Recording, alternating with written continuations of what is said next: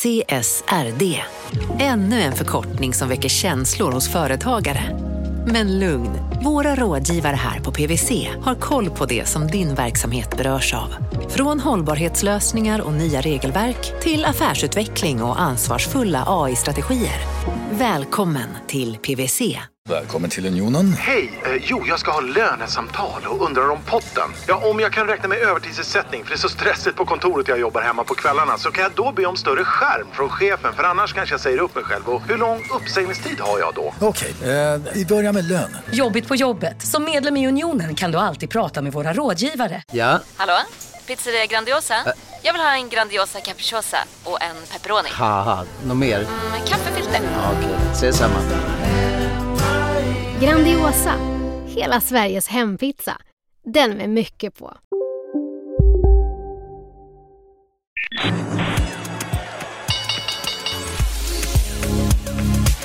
Det här är Affärsvärlden Magasin med Helene Rådstein.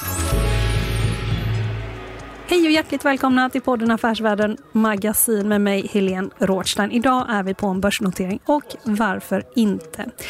Det är fastighetsbolaget SLP som har valt att gå till börsen och vi kommer snart fråga Peter Strand som är vd för bolaget varför man har valt att göra det i det här läget. Men först bara kort om SLP. SLP står för Swedish Logistic Property och det grundades 2018. Peter var här förut, så han vet ju det här. Men Bakom bolaget så finns ett gäng fastighetsrävar. Det är Peter Strand som är vd. Han är också känd som tidigare vd för Victoria Park där han också var delägare. Och eh, en annan grundare utav SLP det är Greg Dingesian också från Victoria Park som senare då såldes till Bonovia i slutändan. Sen har vi på styrelseordförandeposten och en av medgrundarna då, Erik Selin och därtill finns Mikael Hoffman från ERH Bygg. De äger lite avrundat ungefär 20 procent var av bolaget före noteringen. Man kan säga att SLP var lite sena på bollen vad det gäller logistikfastigheter och ehm, eh, bolaget grundades som sagt 2018 men trots det så har man då marscherat ganska snabbt. Vid årsskiftet var belåningsgraden i bolaget 55 procent och efter notering och tillhörande emission så faller den siffran då till 46 procent. Och detta innebär att det bör finnas omkring 2 miljarder kronor att shoppa för innan belåningsgraden närmar sig den finansiella riskbegränsningen som är att det ska vara under 60 procent.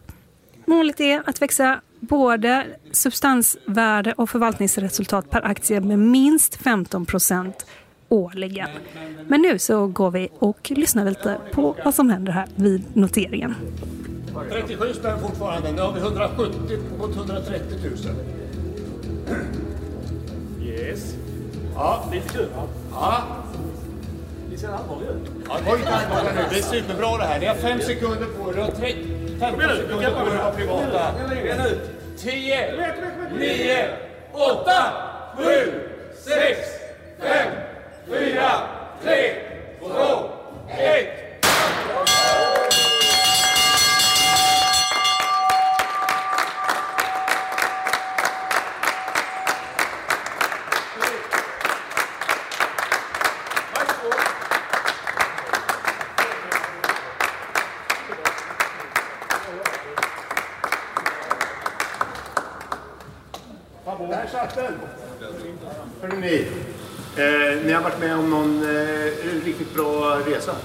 Vi handlar i drygt 38 kronor och det handlar 635 000 aktier. Så att eh, de är nöjda här.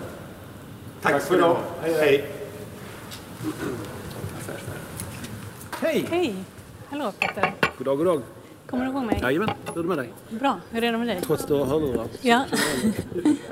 Du, ehm, jag var ju och hälsade på er. Grattis till noteringen. Tack. Hur känns det? Eh, jätteskönt. Gör det? Eh, Ja, det gör det. Att vi är igenom denna process som trots allt har varit i, eh, i typ tio månader. Så att det är ju en milstolpe. Ja. Mm. Eh, Jag hälsar på er, då har ni varit igång ett halvår. Ja. Vet jag. Kommer du det? Ja, jag kommer absolut ihåg det. Jag. Och, eh, sitter ni kvar där? Nej, det gör vi inte. Vi växte ur den lilla lokalen så vi sitter i en annan, lite större lokal. Vi har ju växt eh, betydligt och blivit några fler. Varför väljer ni att gå till börsen nu? Uh, ja, men det är en process som initierades uh, länge sedan då. Det har ju pågått i nästan ett år. Uh, syftet är ju egentligen att vi uh, får en aktie som är noterad och som vi på ett enklare sätt kan använda som ett möjligt betalningsmedel om vi känner att det blir läge för det.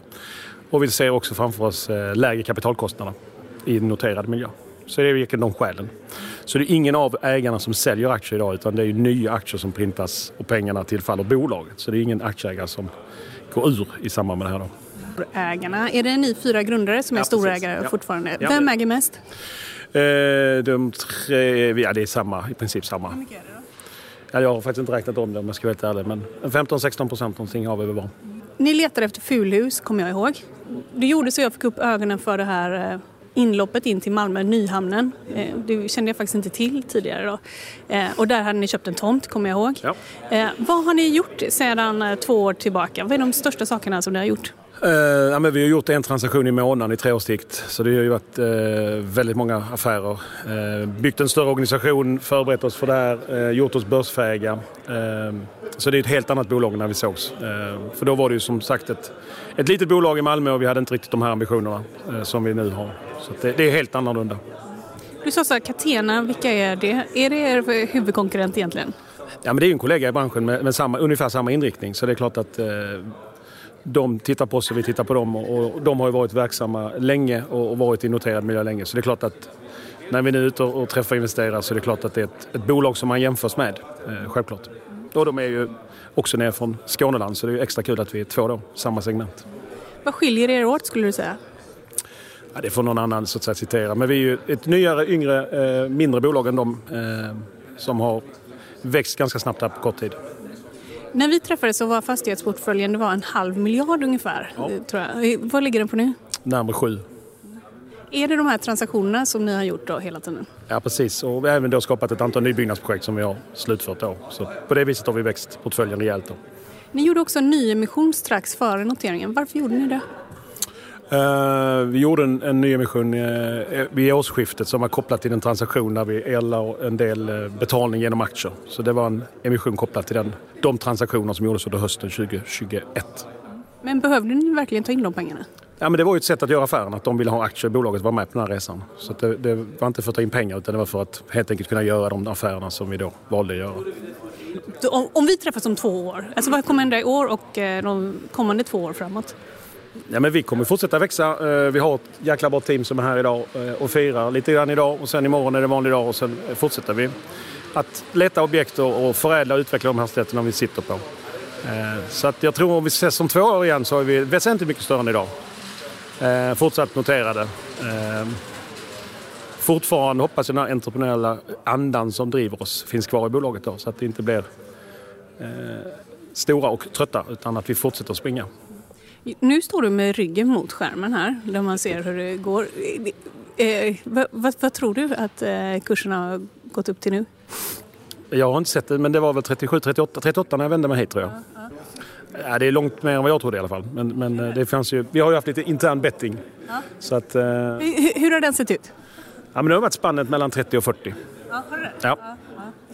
Vad har ni för finansiella mål? Det gäller ju tillväxt i, i eh, NAV om 15 per år på aktier och 15% tillväxt i förvaltningsresultatet. Det är de två finansiella målen vi har. Och de har vi ju hittills då slått med råge de här åren som har varit. Det blir ju också allt hårdare kamp om objekten där ute. Det blir allt fler som kommer in och sådär. Och det kanske ser ut att hårdna ytterligare. Hur tänker du kring det? Nej, men det, det är ju eh, ett tydligt tecken på att det är ett större intresse kring logistikfastigheter än vad det har varit. Vi ser stor skillnad mot, mot bankerna och de finansiella aktörerna som tycker det här är allt mer intressant att jobba med, det här utslaget. Och det är klart att i en sån miljö så är det fler och fler som söker sig dit. Men, men eh, vi har ett ganska eh, långt erfarenhet från branschen och känner väldigt mycket folk och har jobbat ganska länge med den här typen av hus. Så att, jag- tror inte det ska liksom påverka oss nämnvärt. Det är klart att priserna går upp och det gäller att välja rätt objekt när vi ska göra förvärven. Du har varit med om några noteringar. Hur många är det hittills och vilka är det? Jag har varit med i Annehems plingande här och Victoria Parks plingande och sen eh, omlistning från Norge till Sverige med ett bolag som heter Tribona och sen Victoria Park in på huvudlistan och så då SLP nu idag då. Och också varit med och eh, sälja Victoria Park, men det gälls inte. Nej, det gälls inte. Det är ju en annan grej. Peter, varför, varför tror du att det så har varit så stort intresse här för eh, er notering? Nej, jag tror det är en kombination av att vi har eh, jobbat med det här eh, innan. Vi har varit i noterade miljöer innan. Vi har en styrelse som har en lång erfarenhet av det här. Och att vi kan visa upp en track record under de här tre åren på, att vi faktiskt har levererat resultat. Så jag tror det är en kombination av, av människorna som jobbar för oss, erfarenheten som finns i, i såväl ägandet och styrelsen. Och sen naturligtvis kombination med hur logistikfastigheter eh, bedöms av investerare som ett mer attraktivt ytslag än tidigare. Räntan är på väg upp. Ja, men den har ju redan passerat, alltså redan rört sig uppåt. Så det, det, det är ju fakta idag att den har rört sig. Men vi har ju hedgat ganska stor del av vår eh, skuld och vi har ju också eh, en indexering i våra hyresavtal som på något sätt också eh, påverkar oss positivt då om vi får en ökad inflation. Då. Så det finns någon form av hedging även där. Då. För annars, det är inget som har oroat er. Ni går till börsen när eh, räntan är på väg upp och liksom intresset för noteringen går ner och sådär. Det är inget som, eller hur har du tänkt kring det? Ja, men det är klart att vi har övervägt detta eh, oändligt många gånger men, men intresset för oss som aktör har ju varit extremt stort. Eh, vi har fått en väldigt fin ägarbok tycker vi på de nya ägarna som har kommit in. Eh, och då kände vi att eh, finns det ett sådant intresse så eh, jag menar, den underliggande verksamheten är ju inte påverkad av det hemska som händer i Europa dessvärre. Eh, det är tragiskt att det gör det men, men så att säga, behovet av logistikytor eh, kommer inte som vi ser det att påverkas. Så därav att vi känner att vår modell fungerar och därav att vi valde vi fortsätta. Yes. Tack så mycket. Tack Tack så mycket. Ha det bra. Ja, detsamma. Hej. Kul att du kom. Jag har som sagt intervjuat Peter Strand tidigare och för att få lite bakgrund till SLP och hur de tänkte här från början så gör jag så att jag klipper in här ett tidigare avsnitt av podden Affärsvärlden Magasin där man får en bättre bild av vem Peter är och också vad grunden till SLP var för någonting. Och det här är alltså inspelat då som vi ska lyssna på i oktober 2019 och det är på deras dåvarande kontor som ligger i Fosie. Vi börjar med att prata om ägarbilden. Och det är inte vilka personer som helst som har startat det här bolaget. Vi säger varannan. Eh, Greg Dingesian, Mikael Hoffman, Peter Strand. Erik Selin. Fyra fastighetsrävar kan man säga. Ja, eller fastighetsgubbar. Det är vilket som. Nej, men eh, vi, vi som är med från början eh, har ju ett förflutet i Victoria Park. Den resan blev ju jättebra på många sätt. En bra modell som vi uppfann i en marknad som, som väldigt få trodde på när vi började med det där. Så vi har ett förflutet som ägare i den konstellationen och jag, Erik, Greg och eh, Micke funderade på någonting nytt och eh, tyckte att konkurrensen just kring eh, logistik i ett opportunistiskt eh, inriktat fastighetsbolag saknades. Men vi, vi kommer att jobba med transaktioner, förvärv, utveckling av lag och logistik i södra Sverige. Eh, vi letar inte de här stora, nya, fina, långa avtalen utan vi letar eh, fulhusen, de husen vi kan utveckla, husen med vakanser, husen som kan skapa värden helt enkelt. Så att vi är lite grann annorlunda än många av våra kollegor i branschen. Vad är fulhus för någonting? Fulhus är sådana hus som, som eh, är otroligt populära. Eh, som kanske är byggda för 20 år sedan. Har en hel del vakanser. Men ligger ofta väldigt, väldigt bra ut med motorvägarna. Där det finns ett antal hyresgäster. Ofta de här nybyggda fastigheterna har ju en, långt, en hyresgäst med ett långt hyresavtal. Och då är gilderna väldigt, väldigt, väldigt låga. Och vi tycker att man ser en stor skillnad mellan eh, avkastningen på den typen av fastigheter och den typen av fastigheter som vi söker som har lite mer utvecklingspotential. Då. Vi såg ju några fastigheter här ute. Kan vi inte gå och prata om några av dem som hängde här på... Går det bra? Ja, absolut. Ljungby, det är Småland va? Ja, precis. Ja. Och sen är de andra i... Nej, Skåneland. ja, Skåne. Jajamän. Och sen så tar vi då, det här är hamnen. Storgögatan. Ja, två. Skånskan där. Ja. Det är inte så mycket att titta på, eller hur? Det, det är ganska tomt. Det är en, en stor eh, plan. Det, det här ser lite ut som New York gjorde så här på 80-talet där det var lite slummigt. Ja, ja, det här är ju en, en rivningsfastighet, så att säga. Det är en, en tomt vi har köpt kan man säga, med ett antal skjul som ska rivas och sen får vi ut 30 000 kvadratmeter mitt nere i, i hamnen i Malmö. Fantastiskt läge in till city. Där vi ska uppföra någonting för eh, en nyproduktion då, eh, för någon hyresgäst som vi ännu inte har namngett. Men som finns. det finns alltid intressenter för den typen av fastigheter. Ja.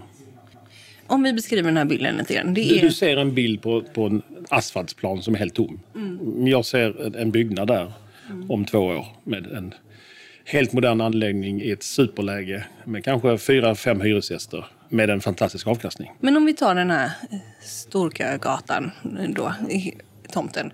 Ni köper den, vi hittar på ett pris, 100. Ja. Berätta, ut, från 100, vad händer då? Från 100 lägger vi till några miljoner till för vi ska riva bort en massa grejer som finns på fastigheten idag. Och sen är det att eh, marknadsvärda den, så vi får igång med. Vi fick in den här i juli så det är liksom alldeles purfärskt. Och sen går vi ut och jobbar med de intressenter vi har, de samarbetskanaler de har, de mäklarna vi jobbar med. För att finna någon som vi tror långsiktigt är rätt hyresgäst för den fastigheten. Och det kommer att ta sex månader i alla fall innan vi har hittat den. Och sen blir det ett byggprojekt, bygglov eh, och sen blir det ett bygge och sen tar det kanske 12 till eh, 18 månader innan den fastigheten är uppe. Så ungefär om två år är rimligt att det är en nybyggd fastighet fullt uthyrd till en eller ett antal hyresgäster.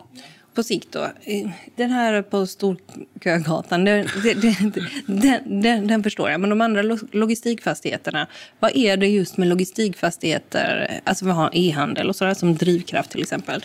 Men det är ju också lite konjunkturkänsligt. Hur, hur tänker du kring eh, den branschen framöver? Ja, men, men trycket på, på, på lagring och, och distribution har ju ökat. Allting går mycket, mycket snabbare. Vi ser handelns utveckling, hur den förändras.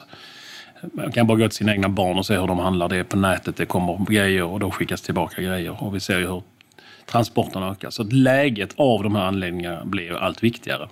Så vi kommer ju söka oss ut med de stora eh, motorvägarna i Sverige.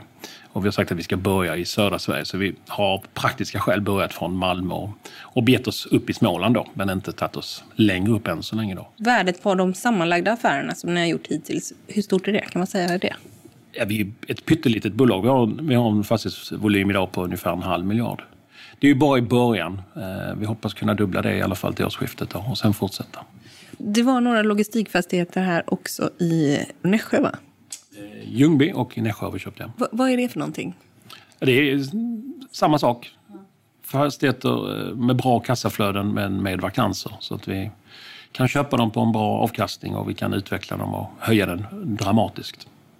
Men om det är vakanser när man köper, hur vet ni att ni tillsätter hyresgäster? Alltså att ni drar in dem? Ja, det, det, vi vet ju inte det, utan det är ju en, en magkänsla att vi har gjort det för. Eh, lokalen har beskaffenheter som vi tror kommer att attrahera någon i marknaden. Att vi helt enkelt är bättre än eh, en föregående ägare på att hitta eh, potentiella hyresgäster. Och köper man en fastighet som man inte betalar för vakansen så kan man ju också jobba ganska mycket med hyran för att bli konkurrenskraftig. Hur finansierar ni nya köp? Än så länge har vi kört med egna pengar plus banklån. Efterhand nu som bolaget har börjat växa så har vi också börjat titta på annan typ av eh, skulder. Till exempel obligationer skulle kunna vara en sån lösning. Då. Så att eh, vi kommer att titta på alternativen framöver här nu beroende på hur, hur snabbt vi hittar och hur snabbt det kan växa. Vi har liksom ingen begränsning egentligen att vi kan köpa ett hus för 50 miljoner eller 500 miljoner. Därför måste vi också fixa eh, ett system så att vi kan få fram de pengarna när vi snabbt behöver dem. Jag förstår att det är svårt att säga ett snittpris. Liksom. En logistikfastighet ska ligga, ska kosta ungefär så här. Men hur tänker du med priser där?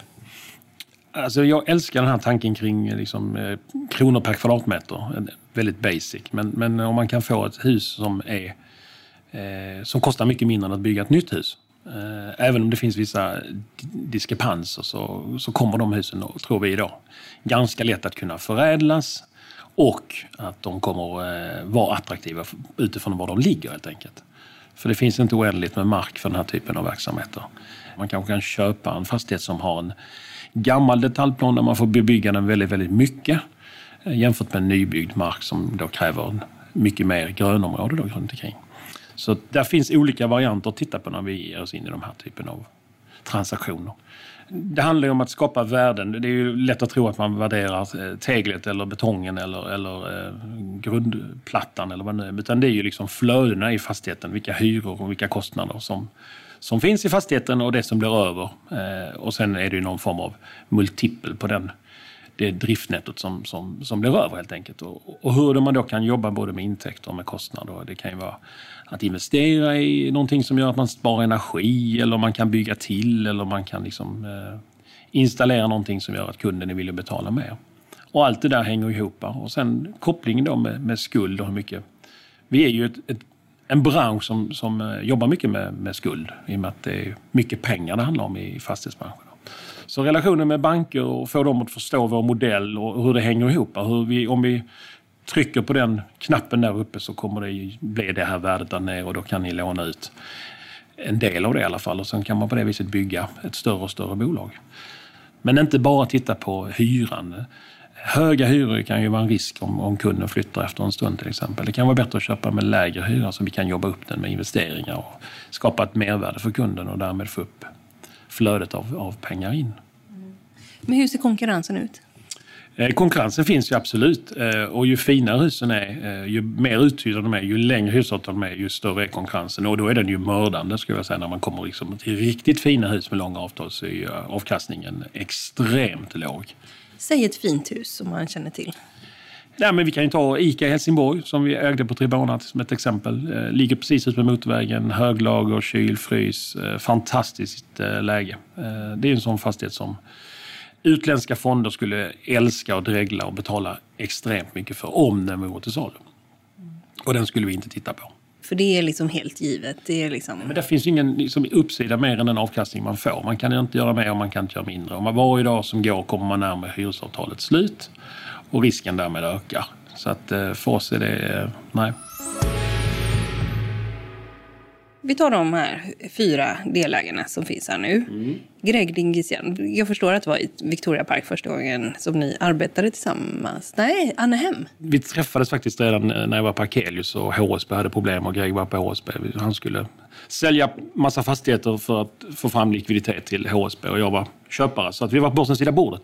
Turning Torso hade ekonomiska problem. Precis. precis. Mm. Så att eh, vi var på varsin sida bordet och, och, jag förhandlade med honom och uppenbart gjorde jag väl okej okay för att han hörde av sig något år sedan och frågade om jag ville vara delägare i Anhem och Victoria Park. Då. Vad var dealen då? Liksom, för det var Turning Torsos ekonomi stod, liksom, eh, på riktigt så lutade hela bygget va? Tordet lutade lite grann ja. Så att de behövde få loss pengar och sålde massa hyresfastigheter i Malmö som jag köpte in för Akelius räkning då. Ni är ju också med Victoria Park varit utsatta. Alltså det är ju inte liksom...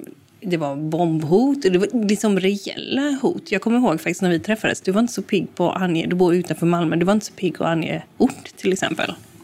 Nej, men det var, det, alltså Victoria Park blev ju en, en extrem framgångssaga. Och det är lätt i efterhand att alla som kommer och ryggdunkar och gud vad bra ni gjorde. Och det var ju en räkmacka och alla grejer man har hört. Men, men, men vägen var extremt tuff, eh, ska jag verkligen hålla med om. Det, det, det har du helt rätt i. Vi, vi tog över ett bestånd i Malmö som styrdes av kriminella mer eller mindre. De, de reglerade vem som skulle bo i områdena och vem som skulle jobba i områdena. Och vi gav oss attan på att kunna vända den trenden och, och, ta över kommandot i det området och mötte motstånd. Eh, så, så du säger, det var allt från hotbilder till bomber till, till, till tuffa grejer. Och vi jobbar ju tajt ihop med polisen i samband med att vi kom in där. Och de applåderade oss, men de hade också sett många fastighetsägare som lovar guld och gröna skogar. Och vi, vi, vi, vi lovar liksom egentligen ingenting. Vi lovar bara att försöka styra upp och, och få ordning på det. Vi lovar inte massa bidrag eller, eller vi skulle starta massa föreningar utan vi skulle faktiskt försöka få tag i människorna i området. Det var det som var skillnaden. Så att även polisen var ju skeptisk till oss initialt ska vi säga då. Men det som var kul med den affärsidén som vi hade där, det var framförallt att vi kunde förändra vi gjorde husen långsiktigt i mycket bättre skick, vilket gjorde att vi kunde förlänga den tekniska livslängden. Och vi skapade en jäkla massa arbetstillfällen där ute. Jag måste säga att fortfarande är det liksom en, en modell som eh, jag kan vakna morgon och, och ibland sakna. För det, det, var fantastiskt kul. Det var jättemycket kärlek. I den relationen vi kunde bygga. Jag såg människor som kom från, från väldigt jobbiga situationer och utanför samhället och faktiskt kunde komma in i samhället och bli en del av oss. Det, det var himla kul. Men om man då har bidragit till det, jobbat för det eh, och också, också för, att, eh, för att kunna säkerställa affären och för att folk ska vilja bo där. Det kan inte kontrolleras av kriminella för det blir för farligt och oattraktivt helt enkelt att bo. Och då vet jag inte om ni har lyckats 100 procent, fortfarande inte. Men att sen då sälja till en tysk aktör, vad, vad tänker du om det? Ja, det var ju en budgivning som var först, om vi ska backa, så var det ju två olika budgivare. Det var en amerikansk fond eh, som, som först la ett bud eh, som några delägare accepterade och eh, sen kom då ett högre bud från det här tyska bolaget, då, Vonovia. Då. Och det blev en himla bra lösning för det här Vonovia, det här tyska bolaget, är ett gigantiskt bolag. Jag tror det är Europas näst största fastighetsbolag alla kategorier. Och de jobbar med exakt samma sak. De jobbar i exakt samma utsatta område eh, i Tyskland. Eh, så de har väldigt mycket erfarenhet och kunskap och de var väldigt intresserade av vår mjukvara som vi jobbar med nu. Att försöka hjälpa dem att kunna använda samma tekniska eller praktiska möjliga väg nere i Tyskland. Då. Så att, eh, det blev faktiskt en väldigt, väldigt bra kombo när det här bolaget såldes vidare. Så det är inte så att det tar slut utan tvärtom, de vill ju inget hellre än att fortsätta öka. Och, eh, vi kan... va, va, var det ett villkor från er sida? Nej, ett villkor kan man inte säga. Vi, vi var ju inte ute för att sälja bolaget utan det, utan det kom ju ett bud. Och där måste man skilja på, på så att säga, jag som var i ledningen och ägare. Jag var ju så både och, men jag var ju en liten ägare. Så det är ju en, en ägarfråga vem som säljer sina aktier och det är en bolagsfråga vem som driver bolaget och vilken inriktning vi hade då.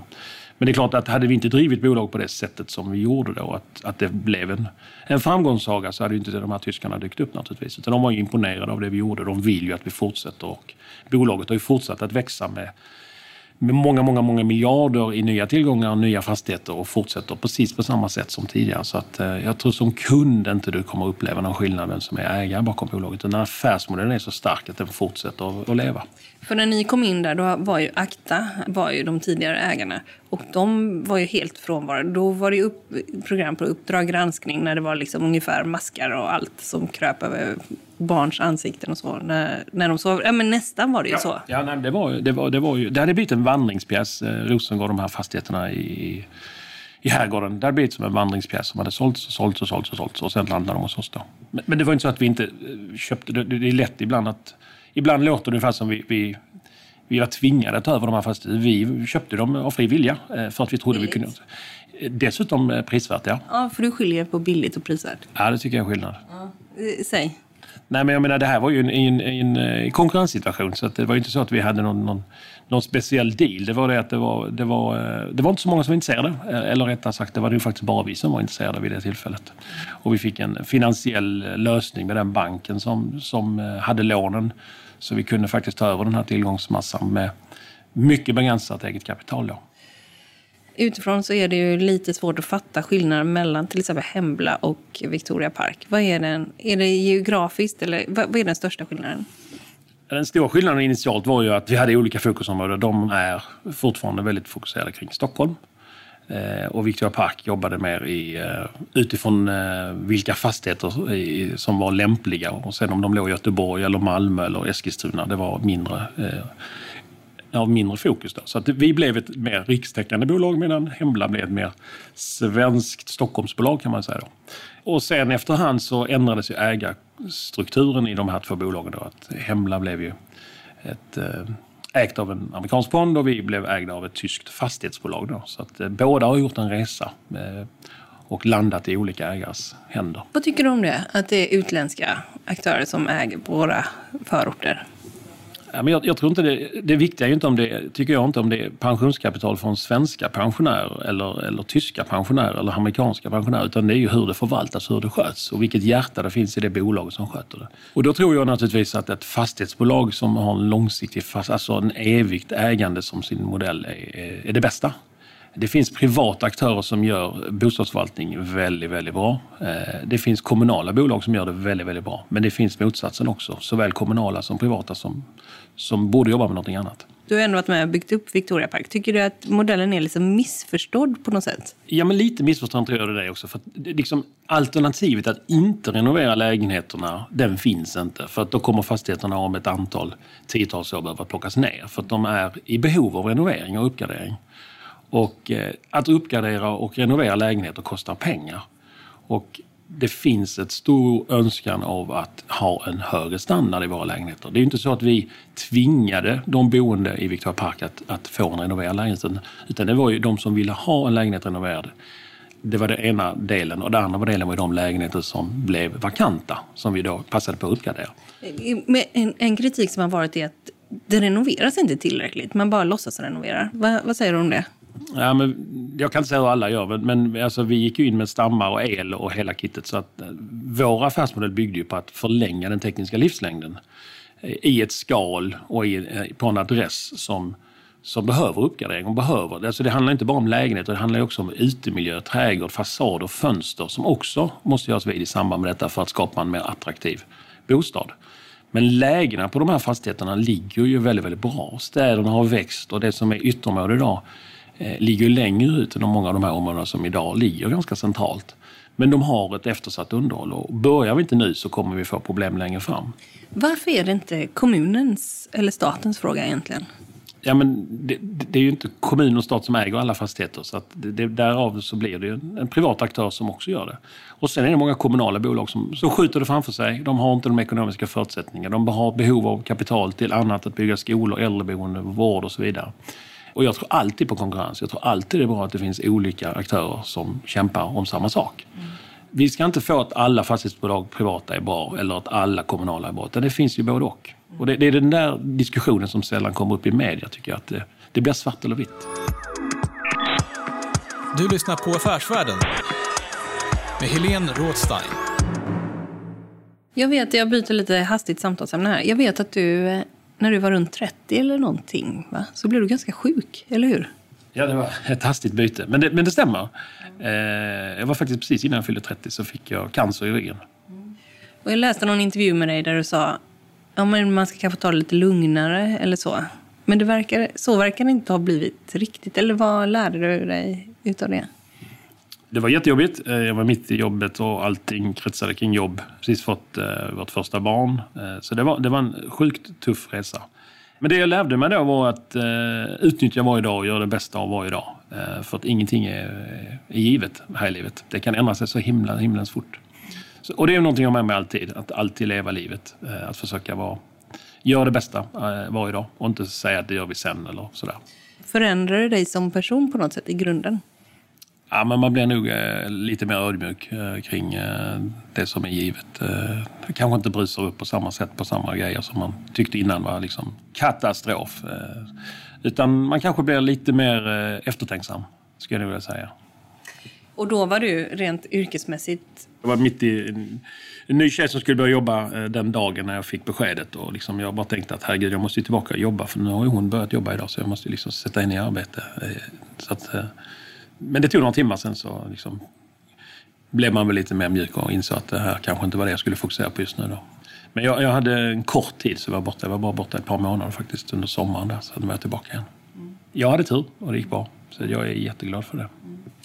Vilket var ditt första jobb i fastighetsbranschen? Var det på Akelius? Nej, Nej. Nej jag började långt tidigare än så. Eh, det borde du se. Hur gammal är jag eller? Ja. Men jag tittar, du är 49 48. Men, men eh, jag började 96 på ett bolag som hette Drott som var ett helägt bolag till Skanska.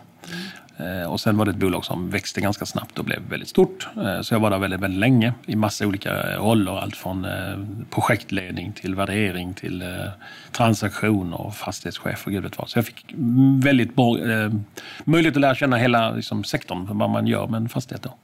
Så där var jag fram till jag började på Akelius. Och sen blev det Anhem slash Victoria Park.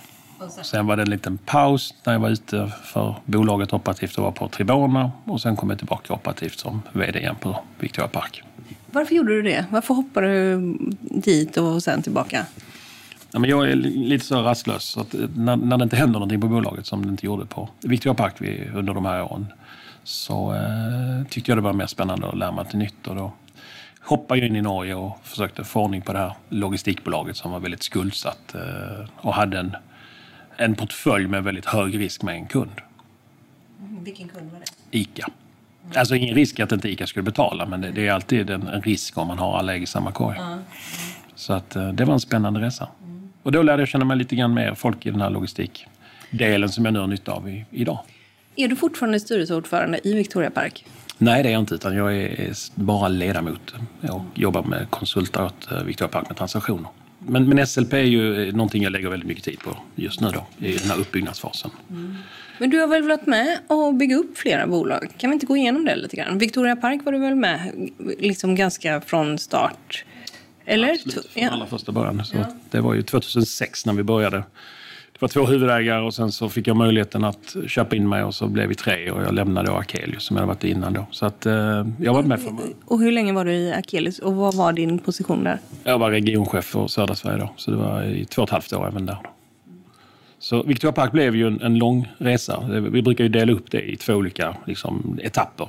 Den första etappen handlar om en bostadsutveckling i Malmö eh, som av olika anledningar då inte kom vidare ut i, i, i fler städer utan det blev ett Malmöprojekt med 300 bostadsrätter. Och sen blev det stiltje och sen kom version 2.0 när vi gick in i, i de här miljonprogramsområdena runt om i Sverige. Då.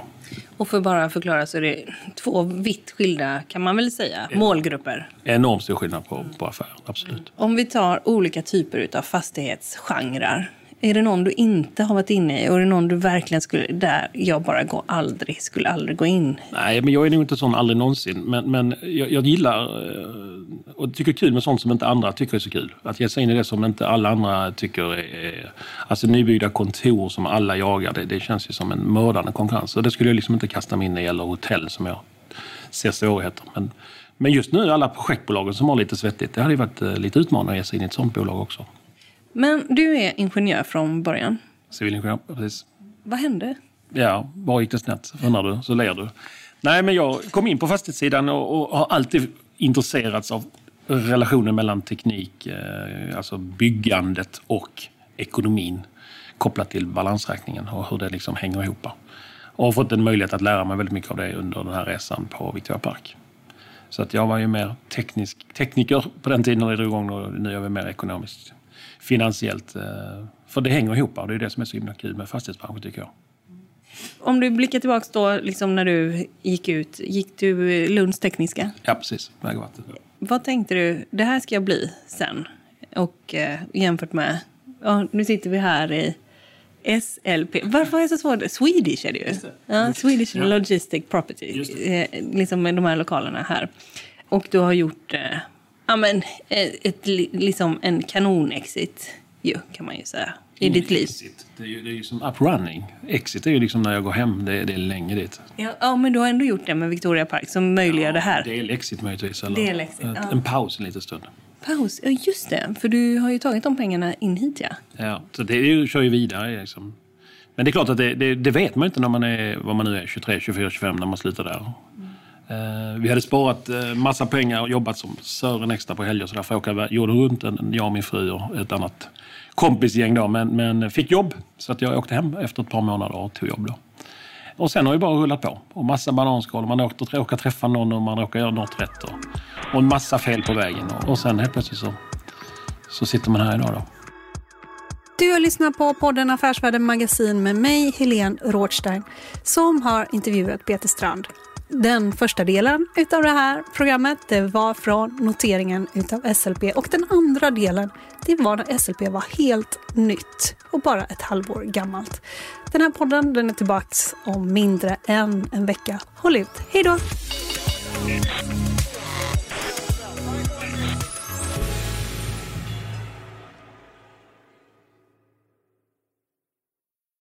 Eh, marknaden sponsras av Karla. Eh, vi pratar ju en hel del om bilar här på kontoret. Eh, karla har ju skapat, skulle jag säga, det som är standarden för hur man idag köper och säljer bilar på nätet. Kort bakgrund bara. Karla säljer och leasar begagnade elbilar och laddhybrider på karla.se. Alltså en helt digital upplevelse. Och man har gjort det här med ett nästan maniskt fokus på vad en bilköpare faktiskt behöver.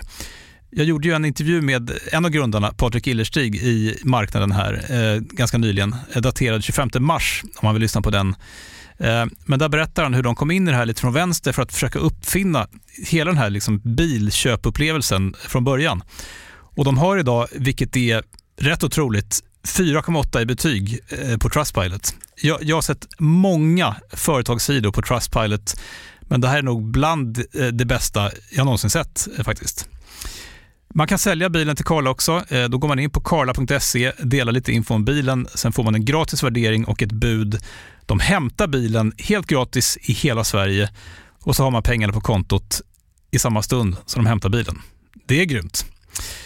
Eh, så ska du köpa en ny bil eller sälja din gamla, eller båda delar för den delen, gå in på karla.se och eh, kolla. Alltså karla.se och Karla stavas med C. Tack så mycket till Karla.